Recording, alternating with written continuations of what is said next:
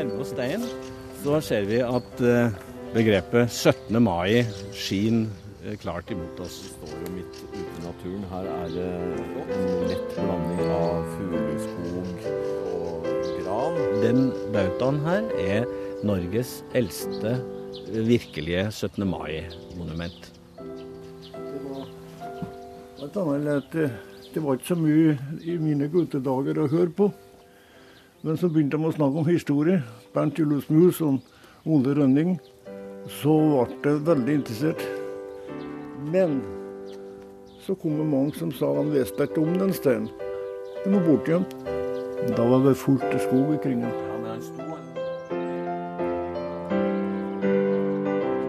Det aller første 17. mai-monumentet. Vi hører her om en stein som er reist i en skog. Kanskje den har vært glemt i mange år. Eh, Og det er det museum skal handle om i dag. Og hva er historien bak denne 17. mai-steinen, Jan Henrik? Da skal vi tilbake til 17. mai 1835. En eh, liten gruppe menn, anført av Ole Rynning, eh, reiser en stein i skogen hvor det står 17. mai. Ole Rynning, hvem var det? Han eh, var eh, en ung eh, prestesønn, eh, halvstudert, i opposisjon til sin far, sognepresten. Og han er senere kjent i migranthistorien. Han reiste til Amerika og skrev det som på folkemunne ble kalt Amerikaboka, en håndbok for utvandrere. Vi hørte her helt i starten av programmet også en annen stemme som vi kanskje kjenner fra en annen sammenheng. Det er eh, Joralf eh, Gjerstad, Snåsamannen. Han er eh, lokalhistorisk interessert og har jobba mye både med rynning og 17. mai-steinen, og vil ha den fram på nasjonalt nivå. Ja. Jan Henrik Illebekk, du er reporter her i museum, har lagd programmer i museum tidligere, og nå skal du altså fortelle oss historien om 17. mai-steinen. Men du reiste ikke helt alene opp til Snåsa. Nei, jeg hadde med meg Arnt Erik Seljås, forlagsredaktør i Cappelen Dam, men også en iherdig lokalhistoriker. Snåsning, han som rynning, og er den som kan mest om 17. mai-steinen. Historia om Ole Rynning har egentlig fascinert meg hele livet. Og så fikk jeg da en interesse for å finne ut hvem Ole Rynning egentlig var. For det syns jeg var veldig dårlig dekka i eh, litteraturen. Det var en del antagelser. Og som det står i en del historiebøker, ifølge tradisjonen så var det sånn og sånn.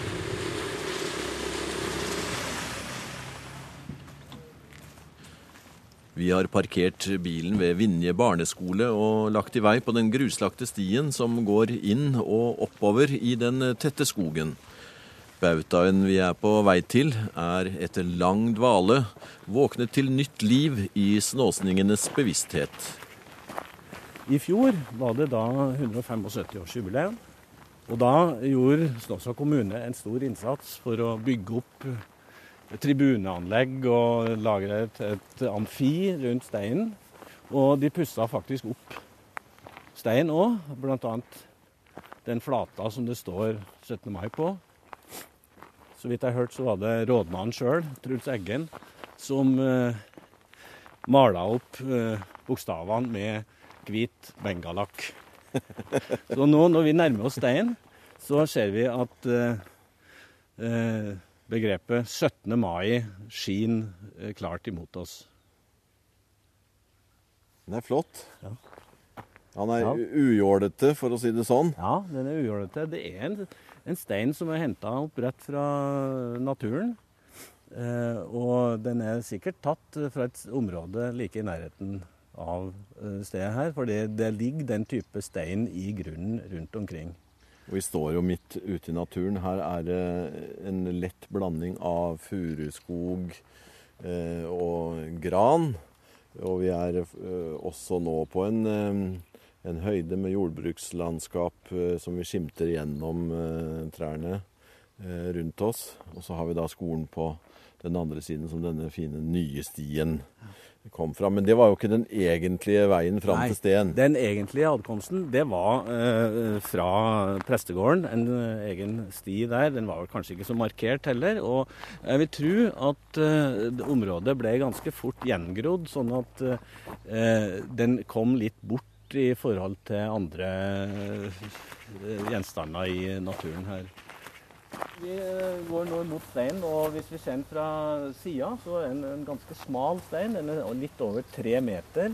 Eh, Det påstås at den veier ett tonn. Så eh, når da, som det står hos faren i hans fortelling, søndagsskoleelevene på Snåsa satte opp den steinen den 17. mai eh, 1835, så må det ha vært en relativt tung jobb å få steinen både båret fram til det stedet her, og få den satt rett opp og ned, som den står nå. Og faren Jens var ikke noe begeistra for eh, Faren dette Jens- prosjektet, men eh, sønnen eh, Ole var lur. Ja da. Ja, lur og lur. 17. mai var det året på en søndag. Og det var jo en grunn til at en fikk samla sine søndagsskoleelever. Og samtidig, klokka ti, så holdt faren gudstjeneste i Snåsa kirke. Jeg tror det var en ganske langvarig gudstjeneste òg, for det var innbakt to begravelser i forbindelse med den høymessa. Så de eh, brukte da den tida hvor folk flest var i kirka, til å sette opp den steinen, så de rent som de uforstyrra kunne få gjort den, eh, den jobben. Steingrunnen rundt her, den eh, består av samme Det steinslaget. ser som- nesten litt sånn skiferaktig ut, men det er ikke det. er- Nei, det er vel en eh, Men han må være han, Det er kalkstein. må være litt bløt. Den er bløt, sånn at det er mulig å, å eh, De har da eh, slipt til et felt midt på steinen. Ja, for den er helt ubehandla. 1,20 Ca. 1,20 fra bakken og opp. Nei, jeg vil si den er over er tre meter. Ja. Ja, til Ja, det feltet. til det feltet. Til det feltet. Og så kommer Ja. eh, inskripsjonen 17. Med to streker under DE Ja. og mai med I på slutten. ja da, ja. Så det er jo da samtidens eh, skrivemåte. Og, og det har de da eh, ripa inn i, i steinen. Den har altså rett og slett eh, vært bort for de aller fleste eh, fram til da eh, Joralf Gjerstad eh, oppdaga den.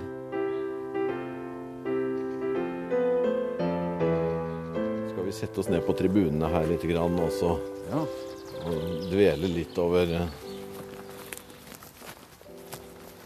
at dette er trolig da det første 17. mai-monumentet i, i Norge, her på Snåsa. Ja, altså det, jeg vil påstå at dette er Norges eh, første og eldste eh, monument eh, som eksplisitt eh, har med 17. mai å gjøre. Når den var på plass, så er det klart at du kan spekulere i hvordan selve arrangementet var. Om eh, han hadde lært så mye av Henrik Wergeland at han holdt en flammende appell foran en håndfull eh, eh, dette var ikke småunger, dette var ungdommer i sin eh, Ja. beste alder. Ja. Eh, og om de sang eh, eh, 'Sønner av Norge', som var den vanlige nasjonalsangen den gangen, det vet vi heller ikke. Men vi må anta at eh, en viss eh, verdighet og, og, og jubel var det da de var ferdig med dette storslåtte arbeidet 17. mai 1835. Hva bidro egentlig til at eh, prestesønnen, den halvstuderte Ole Rynning, eh, reiste denne bautaen 17. mai-steinen på Snåsa? Seliås har så vidt nevnt to viktige stikkord. Henrik Wergeland og søndagsskolen. For i 1829 reiste Rynning til Kristiania for å studere. 17. mai 1833 var Snåsa-studenten tilhører til Wergelands flammende tale ved avdukingen av Christian Krogh-statuen. Krog bidro som kjent til at Stortinget forkastet unionkongen Karl Johans grunnlovsforslag i 1824, og den innstillingen ble datert 17. mai samme år. Av denne innsatsen ble Krog en helt for mange. Høsten 1833 reiste eh, Ole tilbake til Snåsa via Vågå, som Ja. han, der han hadde vært i eh, den høsten, som huslærer for sitt store eh, forbilde, både som eh, teolog og som, ikke minst som lærer, Hans Petter Snitler Krag, Vågåpresten. Vågåpresten sto for folkeopplysning og skole. Og det var de to tinga som Ole eh, også ønska å drive med da han kom tilbake til Snåsa 24.12., altså julaften 1833. Så han kom inspirert og med ny bagasje og kunnskap og erfaringer Ja, helt opplagt. Det var en veldig inspirert eh, ung eh, lærer, eh, for å si det sånn, som kom tilbake til heimbygda si og satte i gang to prosjekt. Det ene prosjektet var at han ville lese til eksamen artium med eh, embetssønner eh, fra hele Nord-Trøndelag. Men han hadde det andre prosjektet, og det var da det som var kalt Søndagsskolen. Søndagsskolen den gangen var en rent verdslig skole som eh, skulle gi eh, håndverkere i byen og bønder, bondesønner i byg, på bygda, anledning til å studere, eller fordype seg i praktiske fag som regning og eh, naturfag, og geografi, og ikke minst historie. Og vi ser her eh, ved statuen, eller bautaen, eksempel på en kombinasjon mellom veldig mange elementer. I moderne pedagogikk så vil du ha kalt dette et eh, tverrfaglig samarbeid eh, mellom eh, geologi, mellom historie og eh, i det hele tatt eh, politikk. og politikk. Eh, ja da. Så, så det her, her eh, denne bautaen, steinen, den eh, står eh, i dag som et lysende eksempel på pedagogisk praksis. Med, med mening. En elevøvelse. En elevøvelse.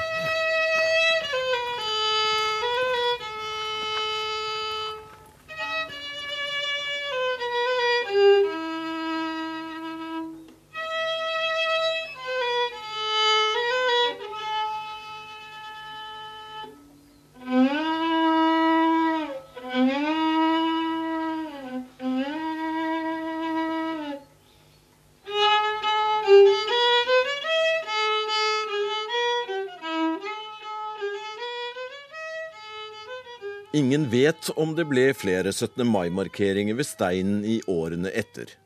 Det var vanskelige tider i landet. To år etter at Ole Rynning og hans elever hadde sin hemmelige nasjonalfeiring i skogen, immigrerer han til Amerika. Det skjer med barken Eger. Ole blir en lederskikkelse om bord, og til 17. mai skriver han dikt for dagen, midt ute i Atlanteren. Men selv om skjebnen bød ham der, som Fordum, Bjørn og Leif at Kjelle, han vil dog stetse havet kjær sitt gamle Norges trygge fjelle, og lenges ømt med sønnlig hu at se sitt hjem en gang ennu. Slik gikk det ikke. Rynning havner i Beaver Creek i Illinois. Etter mange skuffelser og slit blir han syk og dør i 1838. Men før han dør, greier han å skrive manuskriptet til boka Sannferdig beretning om Amerika til opplysning og nytte for bonde og menigmann, senere kjent som Amerikaboka. Amerikaboka ja, var en eh, pamflett eh, som han skrev. eh, Det sies at han skrev det mens han var sjuk. Og stringent oppbygd som ei håndbok om hvordan de skulle te seg når de kom dit, og hvordan det var i Amerika. og eh, i det hele tatt en veldig hendig pamflett. Og Den pamfletten den ble da tatt med tilbake til Norge av en som da eh, hadde vært innom Beaver Creek, og jeg tror faktisk også bodde der. Og han, når han kom tilbake til Kristiania, så leverte han den i et trykkeri, og boka kom ut. Boka eh, viste seg å bli trykt i eh, 1839, eh, og da, på det tidspunktet så var Ole Rynning død. Så han visste jo ikke hvilken skjebne den boka fikk.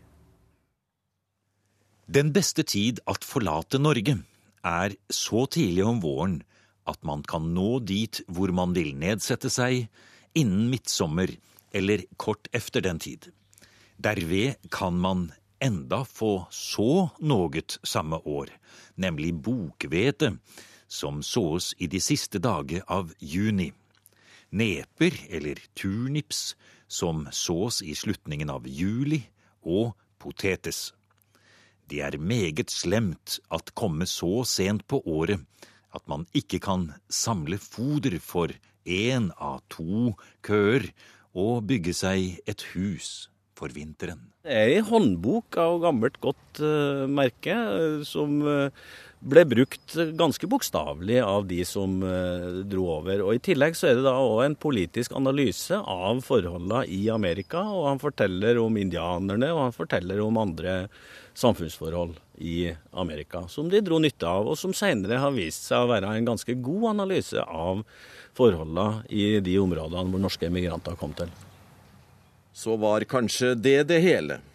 En 17. mai-stein i en liten skog, og en bok for utvandrere. Stein ble glemt og stadig mer gjemt. Boka hadde sin tid. Men Ole Rynning var ikke glemt. Historiker og forlagsmann Arnt Erik Seljås og jeg står ved kirken og ser en staselig bauta på kirkebakken.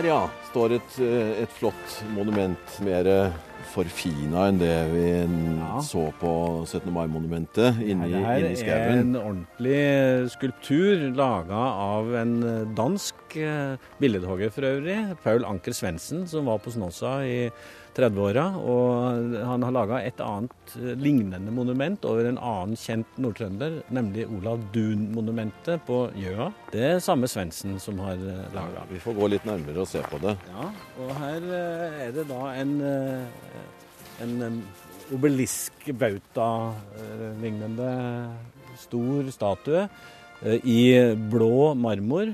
Eh, Blå Olav het heter den faktisk, den marmortypen. Og det ble da laga i forbindelse med eh, jubileet for Ole Rynnings eh, utvandring til Amerika i 1937. Og selvfølgelig, når vi, vi snakker om Amerika, så var det eh, avdukinga og et stort stevne den 4. juli 1937, på. Amerikas nasjonaldag.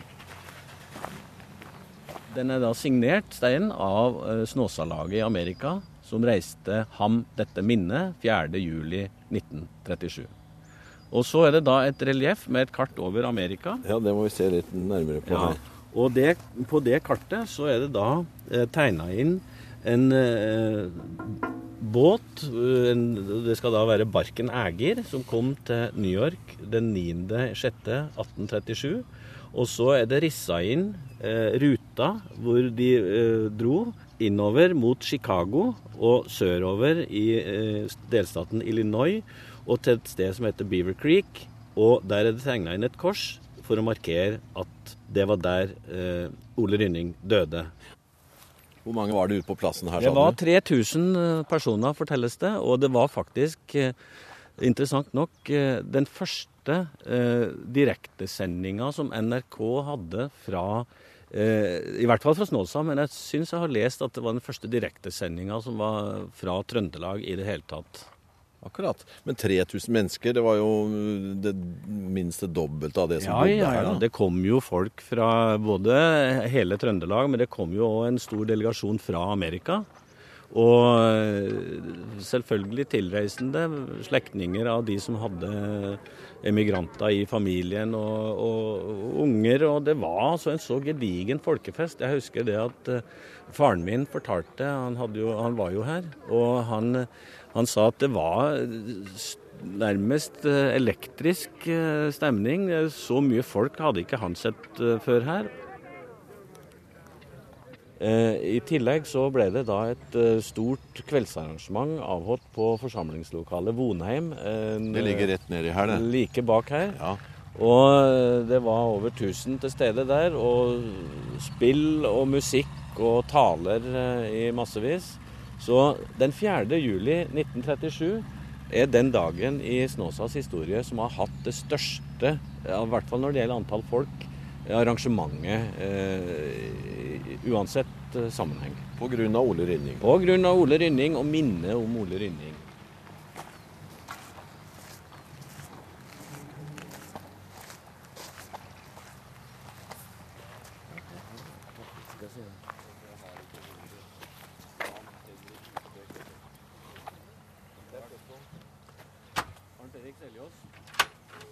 Dag. God dag, ja. Takk for det. Ja, det er sønnen hans Johannes, ja. Ja visst er det. du liker med oss gamle Ja, de sier det.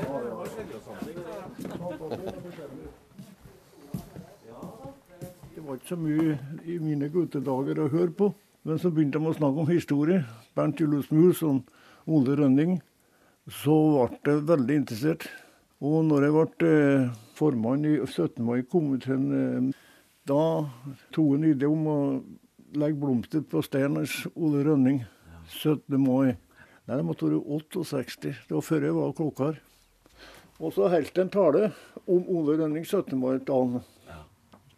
Og da begynte det å, å spre seg, da. Men så kom det mange som sa de visste ikke om den steinen. Så for og undersøkte i Snåsa, i forskjellige strøk. Nesten ingen som visste om steinen. De var bortgjemt. Men eh, når var det første gang du så steinen? Ja, det var tidlig, det var guttunge, da. Da var jeg sammen med min far. De skulle ta seg en tur på Løstelsberget. Jeg kunne ikke være mer enn ti-tolv år. Men da, da var han bortgjemt fullstendig. Da var det fullt av skog kring han. Ja, men han sto, han lå ikke ned. Nei, nei, nei, det, det er feil. Ja. De sier han datt ned en gang, det er feil. Ja, nei, det har ikke jeg hørt. Nei. Og Ole Rønning, hvorfor Stein ble stående det var fordi at Ole Rønning ble regna som sosialist. Det er god oversikt fra vinterhaven eh, hjemme hos eh, Joralf Gjerstad. Vi møter ham eh, nå som lokalhistoriker og ikke som den landkjente Snåsamannen.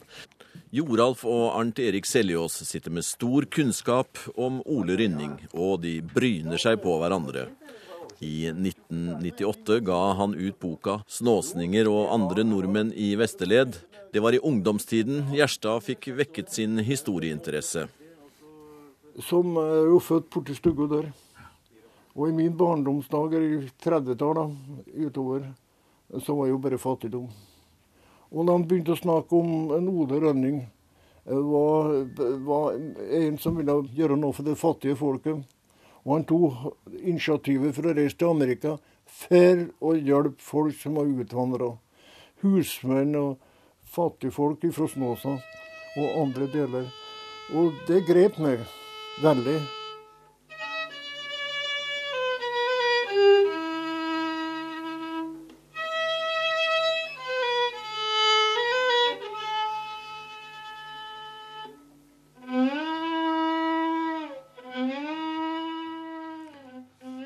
Budeilokk fra Snåsa hørte vi her et utdrag av, og vi sitter altså i stua hos eh, Joralf Gjerstad, mannen som etter manges mening har bidratt til at det er blitt nytt liv omkring eh, 17. mai-steinen. Og da han fikk høre fra foreldra om fattigdom og elendighet, og så visste at det sto en stein oppe på Løstusberget der en mann som har arbeidet for fattigdom for å få et likhet i samfunnet, så grep jeg øyeblikkelig det strået. Men når i ditt voksne liv eh, ble du deg bevisst den stenen igjen? Ja, det var jo helt eh, Jeg har jo snakka med noe, Harald Rønning. Han var Sigvart Rønne var jo ivrig for den steinen. Og Harald Rønning, som var prest etter, han var også veldig ivrig for, for steinen. At han skulle fram med lys, men ingen fikk den dit. Men jeg tok initiativet til å få den fram, og det ville jeg ære for. Så ble jeg så begeistra av i der utvandringsfolket at i 1982 så starta jeg ideen til utvandringsjubileet. Og så ble det det òg. I 87. Ja, så reiste jeg til Amerika i, i ble bedt til Amerika i 96 på St. Olav, og reiste dit. Og da snakka med en del professorer der. Særlig en professor som sa det at det, det er litt dunkelt forholdet når det gjelder Stein Ole Rønning. Det var gjemt. Og jeg er overbevist om det at de gjemte den fordi at han var sosialist. Jeg tror Ole Rønning var sosialist, og det viste seg gjennom utvandringa da han reiste at han må ha med seg mye folk som forlot Norge for godt for fattigdommen. Og han stilte seg inn i det. Han skrev jo et sang, vet du, på Både på båten, ja? Ja. Ja, ja. Jeg har den sangen. Ja, ja det, det skjønner det må du ha. Ja da. Og det er stor glede hvis du setter og skriver om det for Snåsa, gjemt noe av det like som er, som er i Snåsa. Ja, det er det. Ja. Det mener jeg. Det hele Snåsas historie ligger der. Ja. Ja, da. Ja, Men eh, du mener at det her bør løftes fram på riksplan? Ja, det der, det der det, Snåsa har ikke noe med den strenda å gjøre. Han er så gammel at det hører til landets eh, suverenitet.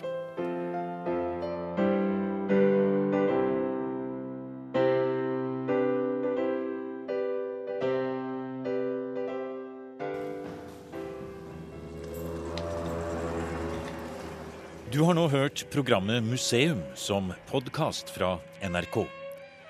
Museum sendes i NRK P2 på lørdager og søndager. Du finner flere programmer på nrk.no podkast.